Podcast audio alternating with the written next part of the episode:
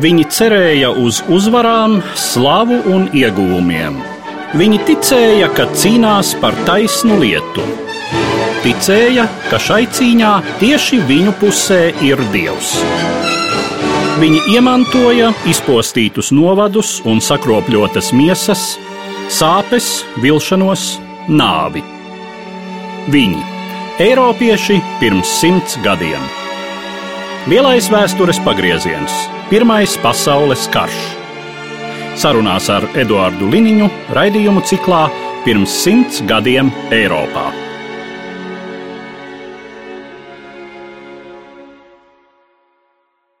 Labdien, cienījamie klausītāji! Mēs atgriežamies pie mūsu tematiem par Pirmo pasaules karu. Un šodien mūsu sarunas temats - otrā Ipras kauja, un mans sarunbiedrs studijā - kara muzeja pētnieks Dainis Poziņš. Labdien! Labdien! Otrā Ipras kauja ir viena no vairākām kaujām pie Ipras pilsētas, Beļģijas pašos rietumos, tātad tas Beļģijas stūris, kas ir palicis vācu armijas neieņemts, bet Ipras kauja ir iezīmīga ar pirmreizējiem notikumiem karu vēsturē. Šeit pirmo reizi tieši pie Ipras 1915. gada aprīlī tiek efektīvi lietotas kaujas gāzes. Un līdz ar to mēs varam teikt, ka iesākas jauna un diezgan, jāsaka, bēdīgi slavena lapuse militārajā vēsturē, kas ir kaujas gāzu un vispār kaujas ķimikāliju lietošanas ēra. Bet pirmkārt par to, ar ko nozīmīgs ir šis IPRAS placdarms, kāda ir tā strateģiskā loma, kāpēc tad šeit risinās faktiski visu Pirmā pasaules kara laiku aktīva kaujas darbība. Vīpra atrodas geogrāfiski interesantā vietā. Tas ir Beļģijas rietumu stūris, un Pirmā pasaules kara laikā izveidojās tāda situācija, kad Vācu armija netika līdz izēras kanālam, un Kipras apkaimē sabiedrotiem izdevās organizēt diezgan efektīvu aizsardzību. Un Kipra, kā jebkura katra pilsēta, bija diezgan svarīgs ceļu un komunikāciju krustpunkts, kurš bija svarīgs abām pusēm. Un ņemot vērā to, kā vēsturiski izveidojās uh, franču un britu spēku izvietojums, īpaši bija interesanti arī no militārā viedokļa tajā ziņā, ka tur atrodās tieši šis saskars punkts. Un tīri no praktiskās pieredzes izējot, saskares savienojuma vietas vienmēr ir vājākā vieta, un tieši tāpēc vācu pavēlniecībai īpra arī bija interesanti un īpras apkārtne, ka varētu organizēt uzbrukumu zonā, kuru saskarās vācu, britu un franču karaspēku vienības, un vācieši varētu šo savienojumu vietu pāraut. Un vēl viens aspekts, kas ir jāpatur prātā, 1914. un 1915. gada kaujas parādīja, ka aizsardzības pozīcijas kļūst pietiekami efektīvas, un faktiski jau 1914. gada beigās, 1915. gada sākumā karojošās puses, varētu pat teikt, izmisīgi meklēja tehniskos līdzekļus, kā pārvarēt šo pozīciju kara strupceļu. Un uh, viens no ierosinājumiem dzima Vācijā Vācu ķīmiķis Frits Habers ierosināja izmantot labi zināmas ķīmiskās elementus un vielas šīs problēmas risināšanai. Tātad 1915. gada sākumā Vācija aktīvi sāka veikt sagatavošanās darbus ķīmiskā kara vešanai. Un Īpra jau nebija pirmā vieta, kur Pirmā pasaules kara laikā izmantoja ķīmiskos ieročus. Vienkārši šī otrā īpras krauja kļuva nozīmīga ar to, ka tā bija pirmā vieta, kur to izdevās izdarīt pietiekami veiksmīgi un nu, pārliecinoši. Tā kā bija skaidrs, ka ķīmiskie ieroči ir patiešām efektīvs cīņas līdzeklis. Pirmā pasaules kara laikā ķīmiskos ieročus, kairinošās vielas, asargāzes pirmie sāka izmantot franču karavīri, asargāzes granātas, neliela kalibra, bet tas bija neefektīva konstrukcija, un kara sākumā pat neviens īsti nepamanīja, ka tur tādas gāzes kāds ir mēģinājis lietot. Tas efekts bija minimāls. Savukārt Vācija 1915. gada janvārī mēģināja izmantot kairinošās ķīmiskās vielas konkrēti ksilu bromīdu pret Krievijas impērijas armiju pie Bolimovas. Tas ir īslaicīga epizode, artilērijas šāviņos sapildīta ķīmiska viela, bet ziemas apstākļos neizveidojās šis aerosola mākons, un arī artilērijas uguns izrādījās neefektīva, un šī asars izraisošā viela neatstāja nekādu lielo iespēju uz Krievijas karaspēku. Un faktiski šī kauja pie Bolīmos bija viens no iemesliem, kāpēc Vācijas speciālisti izvēlējās izmantot gāzes balonus pie īpras, jo pirmajā brīdī šķita, ka artilērija nebūs pietiekami efektīva. Kaut gan īstais neveiksmes iemesls izrādījās zemā temperatūra un konkrētiem apstākļiem nepiemērotais ķīmiskais savienojums. Ar gāzu uzbrukumu arī sākas pirmā īpras kauja 22. aprīlī.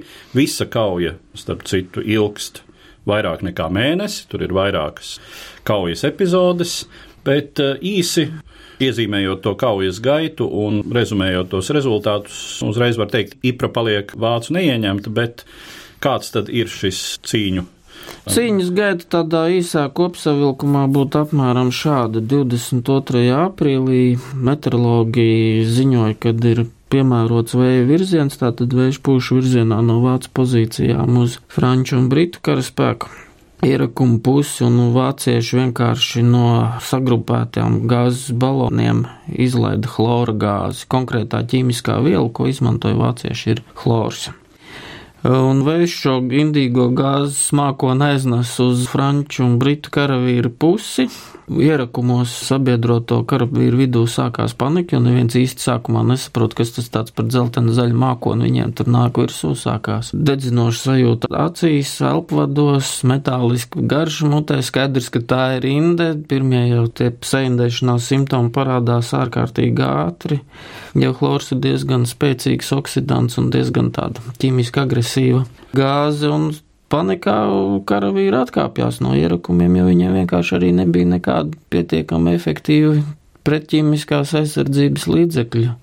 Jā, nu var piebilst, ka šī chlorīna gāze, tas galvenais efekts ir, ka tās savienojoties ar ūdeni veido salskābi. Izdedzina plaušas, un ja lielā koncentrācijā cilvēks būtībā iet bojā no nosmakšanas un ietekme ir diezgan graujoša uz cilvēku organismu. Un otrs efekts, redzot, kad smagāk saindējušies biedri tā cieši, tas arī izraisa paniku karaspēku rindās. Daudz mēģinot glābties, vienkārši atkāpās no pozīcijām.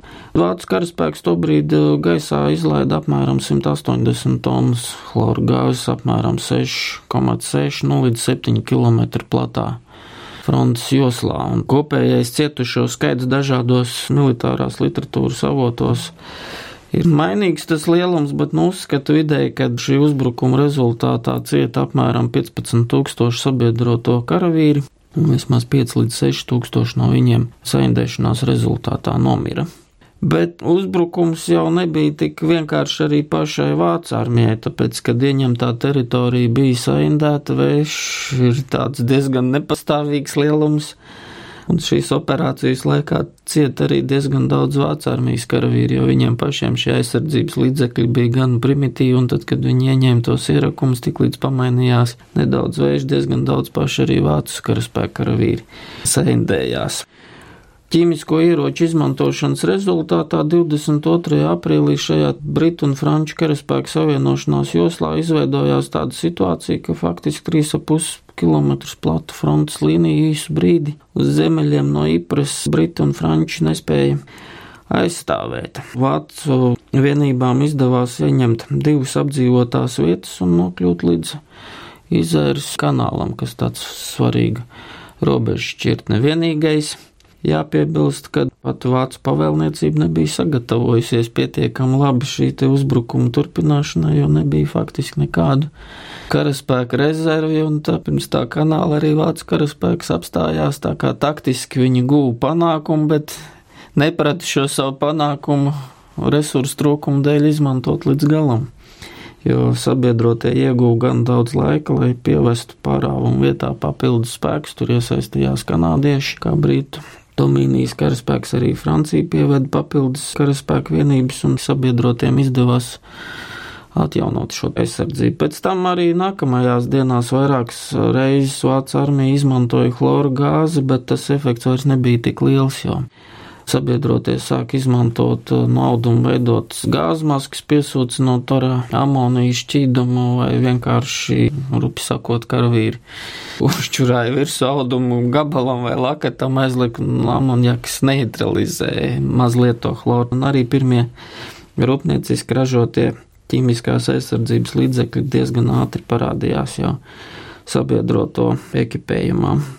Tā kā gal galā šie ķīmiskie ieroči tādu izšķirošu panākumu neradīja, bet toties atvērās durvis jaunai bruņošanās sacensībai ķīmisko ieroču jomā. Vēsturiski Kipras kauja uzskata par tādu pavērsienu punktu militārajā vēsturē, kad ķīmiskie ieroči no tādas teorētiskas iespējas un zinātniski zināmas iespējas, kad ir šais indīgās ķīmiskās vielas pēc Cipras kaujas pierādīja, ka reāli kaujā izmantojam ieroču veidu, un tālākais ķīmijas progress radīja daudz bīstamāks, daudz efektīvāks ķīmiskās vielas, un pēc Cipras kaujas ķīmiskais karš kļuva par vienu no cīņas paņēmieniem Pirmā pasaules kara laikā. Tas tika lietots visā rietumu frontē un arī austrumu frontē. It kā jau idejas par to, ka varētu kara darbībā izmantot um, kaujas ķimikālijas, tās nav gluži Pirmā pasaules kara izgudrojums. Tādas idejas 19. gadsimta laikā jau šur tur cirkulē.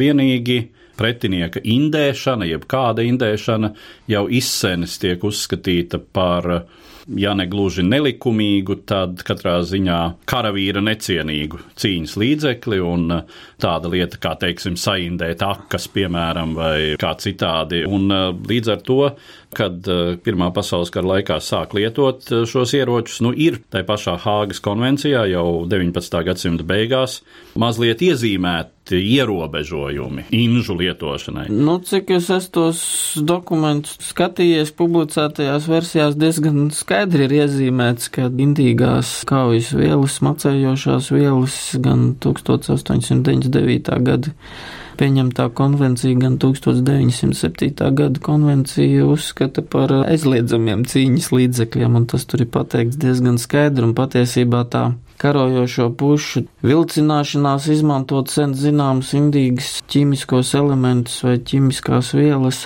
ir izskaidrojami tieši ar šiem Kāgas konvencijas ierobežojumiem, jo neviens īstā negribēja būt pirmais, kurš pavērs ceļu vaļā.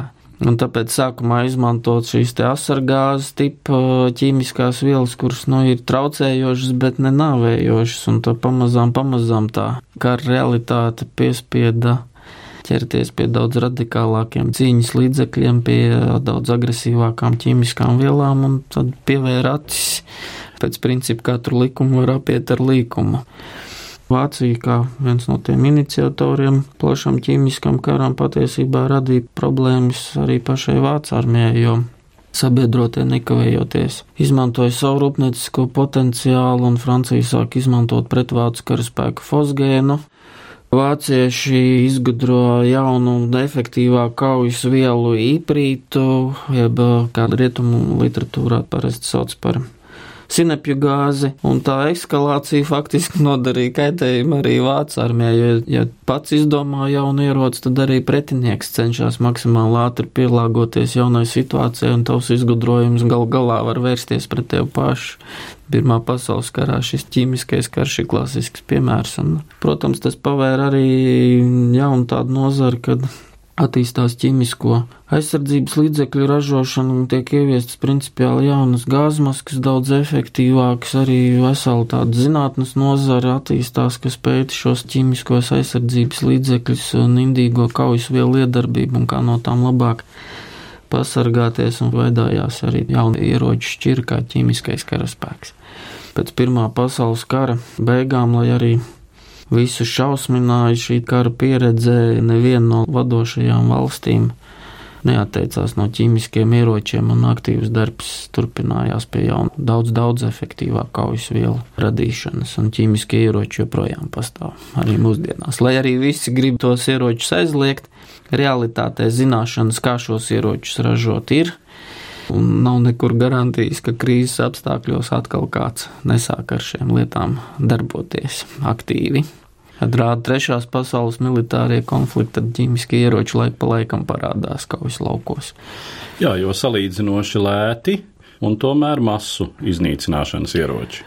Nu, viens no ķīmiskiem ieroču tādiem militārajiem paradoksiem ir tāds, ka pret nesagatavotu un aizsargātu pretinieku ķīmiskie ieroči ir ārkārtīgi efektīvi, bet ja armija ir gatava darboties ķīmiskā kara apstākļos pret regulāro karaspēku un apmācītu karaspēku, kā rāda praktiskā kara pieredze, tad ķīmiskie ieroči nekad nav devuši strateģisku risinājumu nevienam karam. Un tas ir drīzāk tāds terora līdzeklis, iebiedēt pretinieku vai vairāk apdraud daudzos gadījumos civilos iedzīvotājus nekā regulāro armiju. Pirmā pasaules kara gadījumā ķīmiskie ieroči nebūtu nebija izšķirošie. Par tiem daudz runāja, par tiem daudz rakstīja, cietušo sekas bija smagas, un, piemēram, Pirmā pasaules kara beigās tāda ķīmiskā viela kā iprīts jeb sinapju gāze patiešām radīja upuriem šausminošas ciešanas, jo cilvēks nenomirst uzreiz. Pat ļoti smagi saindējies karavīrs mocījās 4 līdz 5 nedēļas, un tas bija patiešām diezgan biedējošs skats. Lai gan reālā letalitāte tam pašam iprītam kaujas apstākļos ir izrēķināts, ka tikai apmēram 1% no tiem, kas saindējās, reāli aizgāja bojā. Protams, ir sekas, tur ģenētiskās izmaiņas, paaugstināts onkoloģisko saslimšanu risks. Tur ķīmiķi un biologi var izstāstīt sīkāk un detalizētāk, kā katra ķīmiskā viela iedarbojās, bet chlors nebūtu nebija ne pati bīstamākā, ne pati efektīvākā kaujas viela, kas tika lietota Pirmā pasaules kara laikā. Ko mēs varam teikt par šo vielu lietošanu Latvijas teritorijā? Latvija salīdzinoši ātri ir arī piedzīvojusi ķīmisko karu. Tas ir 1916. gada rudens navs salā, kad arī tika no baloniem izlaista chlora gāze. Vācu armija vienkārši sagaidīja pareizo vēju virzienu arī atbrīvoja chloru. Un tika saindēts viens no Krievijas impērijas armijas pulkiem Tur cieta vairāk nekā 900 karavīru, nu, tur tas mirušo skaits no 160 līdz 200 cilvēkiem, bet šī kaujas vienība tik ļoti īsā laikā izsist no ierīces. Pēc tam šo pozīciju arī aizsargāja latviešu strelnieku vienības. Nu, un arī Latvijas teritorijā ir izmantot ne tikai baloni, bet arī artilērijas šāviņos pildītas indīgās kaujas vielas. Tā kā Latvijā arī šis ķīmiskais karš diemžēl nav gājis seceni. Kā ir ar civiliedzīvotāju upuriem? Civiliedzīvotāji cieš diezgan tālu pat aiz frontes līnijas, un ikpris gadījumā arī tas gāzes mākons virzījās priekš frontes līnijas aizmugurē. Iedzīvotāji dažādos palīgdarbos iesaistītie cilvēki, medicīnas personāls, kas patiesībā no kardarbības bija diezgan tālu, arī cieta tieši no šīs indīgās gāzes iedarbības. Pirmā pasaules kara laikā, kad efektīvākas kaujas vielas sāka pildīt artilērijas šāviņos, kad apšauda tika veikta pret aizmugures pozīcijām. Protams, ka bija arī civili iedzīvotāji cietušo skaitā, un pat diezgan tālu 10-20 km attālumā no frontes līnijas. Precīzie cipari ir dažādi, bet Pirmā pasaules kara laikā tomēr galvenais tas upuru daudzums, ko radīja kara darbība, ir saistīts ar daudz tradicionālākām karošanas metodēm. Artilērija, kā izrādījās, bija pats postošākais Pirmā pasaules kara cīņas līdzeklis, ložmetēji, šautenes, nu tad tur kaut kur pa vidam ir tikai ķīmiskie ieroči. Runājot par tālāko karu vēsturi, mēs zinām, ka Otrajā pasaules karā visas puses un katrā ziņā Eiropā atturas lietot ķīmiskos ieročus. 20. un 30. gados Eiropas valstu armijas bija uzkrājušas pamatīgus ķīmiskā ieroču krājumus, un patiesībā tika radītas arī daudz efektīvākas kaujas vielas, kā nervu paralīzes gāzes, kas bija un joprojām ir daudz bīstamāks par Pirmā pasaules kara laikā lietotajām ķīmiskajām vielām. Bet um, Varbūt tīri subjektīvi iemeslu dēļ Vācija atturējās izmantot ķīmiskos ieročus un arī pušu bailes no tā, ka tas varētu pavērt vaļā un ekskalēt to kontroli atturēja, jo faktiski Lielbritānija Čerčils tiešā tekstā draudēja, kad ja Vācija izmantos ķīmiskos ieročus, tad Lielbritānija atbildēs ar to pašu un maksimāli iespējamos apjomos, un tā kā neviens neriskēja pārkāpt šo robežu. Par atsevišķiem gadījumiem kaut kādas ziņas ir, bet tās ir salīdzinoši nenozīmīgas epizodes. Šķiet, ka tur austrumfrontē. Tas ir nelielos daudzumos, un tur drīzāk ir jautājums, kur ir reāla epizode un kur ir vienkārši kara propaganda, jo ik viens ir ieinteresēts savu pretinieku nomelnot, un tur jāskatās diezgan detalizēti katrs konkrētais gadījums, cik tur ir kara propaganda un cik tur ir patiesības. Katrā ziņā šis otrā pasaules kara arsenāls neizmantotie ķīmiskie ieroči skar Baltijas jūras reģionu vistiešākajā veidā, tāpēc, ka pēc otrā pasaules kara Vācijas neizmantotais ķīmiskās munīcijas krājums tika nogremdēts Baltijas jūrā. Kam šie... piederēja šī ideja? Detalizēti es varbūt neizstāstīšu, kurš, bet sabiedrotie kopumā nolēma iznīcināt Vācijas ķīmiskos ieročus, vienojās konferencēs un daudz negudrojot, vienkārši samet šo munīciju Baltijas jūrā un šī pats sinapju gāze, fosgēns, difosgēns un vēl visādas ķīmiskās vielas šeit munīcija guļ Baltijas jūrā un patiesībā arī diezgan netālu no Latvijas krastiem. Tā ir reāla problēma, kas ir mantot no otrā pasaules kara. Kas tur ar šiem ieročiem notiek tā īsti, neviens šobrīd nevar pateikt. Baidās kustināt un līst klāt, ja atklāsies problēma, tad būs nepieciešams milzīgas investīcijas. Visi cer, ka tas pats kaut kā lēnām uzsūksies. Sūksies kur? Bet kur tas ir liels jautājums. Šāviņu korpusi Rūsē ir arī tāds no padomu laikiem epizodes, kad uh, zvejnieki ar traleriem tralējot aizskāruši te munīciju no sinapi gāzes ir bijuši cietuši arī tepat Latvijas teritorijā zvejnieku kolhozos paceļ tīklu un brīnās, kāpēc uz rokām čūlas veidojās. Un tur īstenībā vainīgs ir iprīts. Kāds sarūsējis šāviņš pārplēsts un tā viela izplūdus un ar tīkliem uzceļ augšā.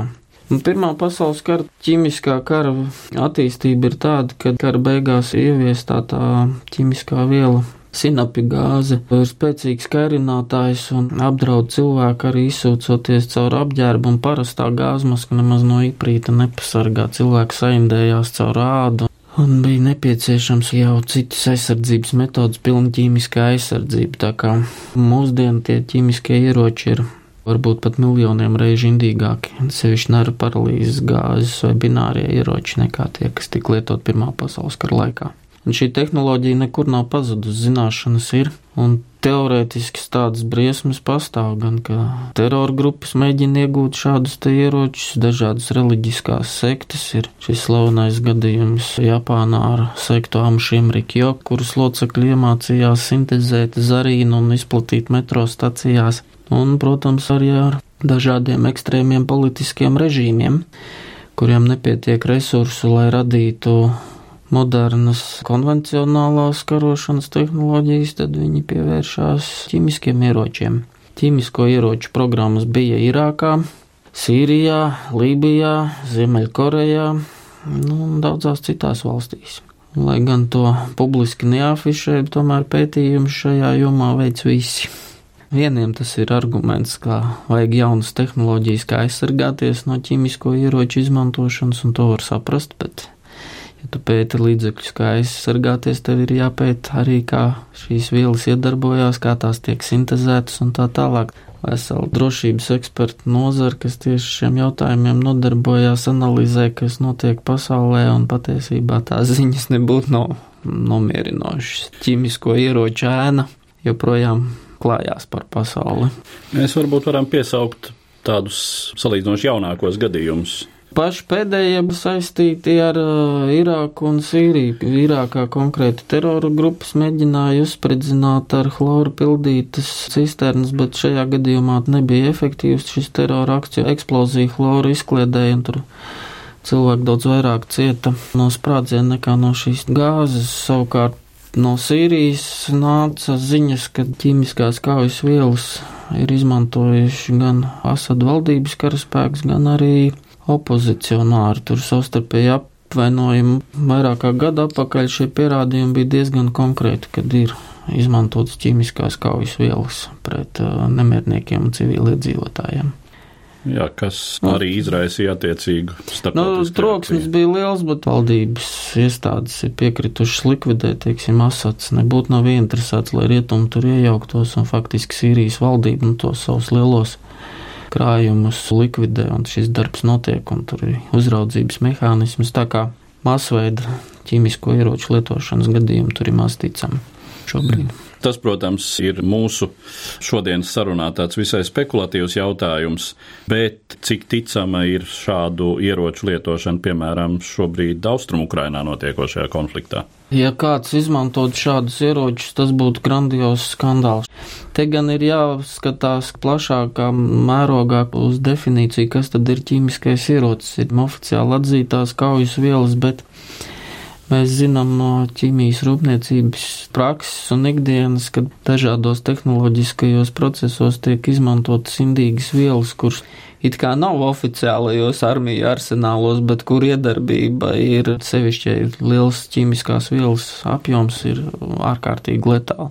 Tas pats amoniaks, kas ir minerālu mēslojuma sastāvdaļa, lielos daudzumos tas ir uh, letāls un var izraisīt ļoti smagas sekas. Teiksim, ja kara darbība notiek industriālā rūpniecības zonā, ja artilērija šāviņš trāpa kādā ķīmiskā noliktavā un kaut vai amoniaka cisternā, tad sekas var būt katastrofālas, patiešām katastrofālas, un to varētu salīdzināt ar ķīmisko ieroču izmantošanu.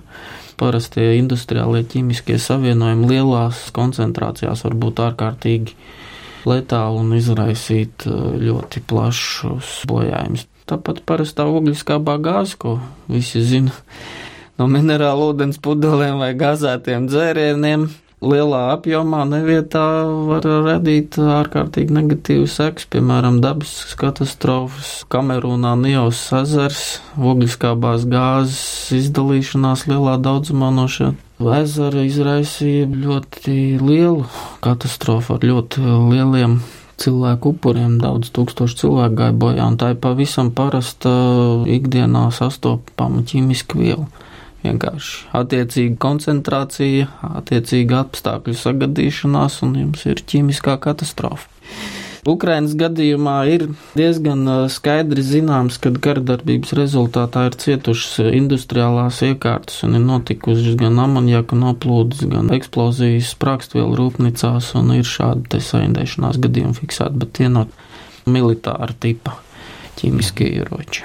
Bet katrā ziņā tas secinājums, kas jau mūsu sarunā šeit izskanēja, šī ēra, kas sākās pirms simts gadiem, 1915. gada 22. aprīlī, droši vien tik drīz nebeigsies, un kamēr karošana vispār pasaulē turpināsies, tikmēr risks, ka kaut kur tiks izmantot arī ķīmiskie ieroči, nekur nezudīs. Kamēr pastāv šādi konflikti un indīgās vielas ķīmiskās indes izmanto dažādiem mērķiem, ne tikai kā māsu iznīcināšanas ieroci, bet arī pasūtījumu slepkavību veikšanai, tāpat VDK aizraušanās ar tādu indi kā ricīns, padomu savienības politisko oponentu nogalināšanai pēdējais tracis ap Litviņenko lietu un egzotiskas indes izmantošanu polonī, kas ir radioaktīva un turklāt ķīmiski indīga viela un parasts krimināla noziedznieks vai parasts grupējums šādas vielas īpaši iegūt nevar un tas ir vienkārši pārliek egzotisks ķīmiskais elements politisko rēķinu kārtošanai, tā kā visdrīzāk, ka tur ir iesaistītas valsts struktūras, nevis kaut kādi nejauši biznesa darījuma partneri vai pašnāvības mēģinājumi, kā pēdējā versija, ka Ļidņenko esot izvēlējies eksotisku pašnāvības veidu, kas neizskatās sevišķi ticams. Tur drīzāk valsts aiz visa tā stāv. Kāda valsts? Jā, kāda valsts, kura arī ar savu pēdējā laika uzvedību, diemžēl, sagādā ar vien jaunus nepatīkams pārsteigums nu, diemžēl pasaulē. ir tā arī tā, ka Padomu Savienība faktiski ļoti aktīvi strādāja ķīmisko ieroču ražošanas tehnoloģiju lomā un sabrūkot Padomu Savienībai. Krievijas federācija mantoja vienu no pasaulē vislielākajiem ķīmisko ieroču krājumiem, un patiesībā ar šo ieroču likvidēšanu ir diezgan gausi, un lai arī oficiāli tur tiek it kā ziņots, ka ieroči likvidējās, bet zinot, cik bieži Krievijas amatpersonas ir izplatījušas viltotu informāciju, man kaut kā nav sevišķi lielas ticības, ka visi šie ieroči tiks likvidēti. Baidos, ka tādas ticības nav nevienam pasaulē, un ar to mēs arī noslēdzam mūsu šodienas sarunu. Es saku paldies manam sarunbiedram, kara muzeja pētniekam Dainim Poziņam. Ticība un cerības, vilšanās un nāve, zaudējumi un ieguvumi. Pirms simts gadiem Eiropā. Raidījumā šīs dienas acīm sarunājamies par Pirmo pasaules karu.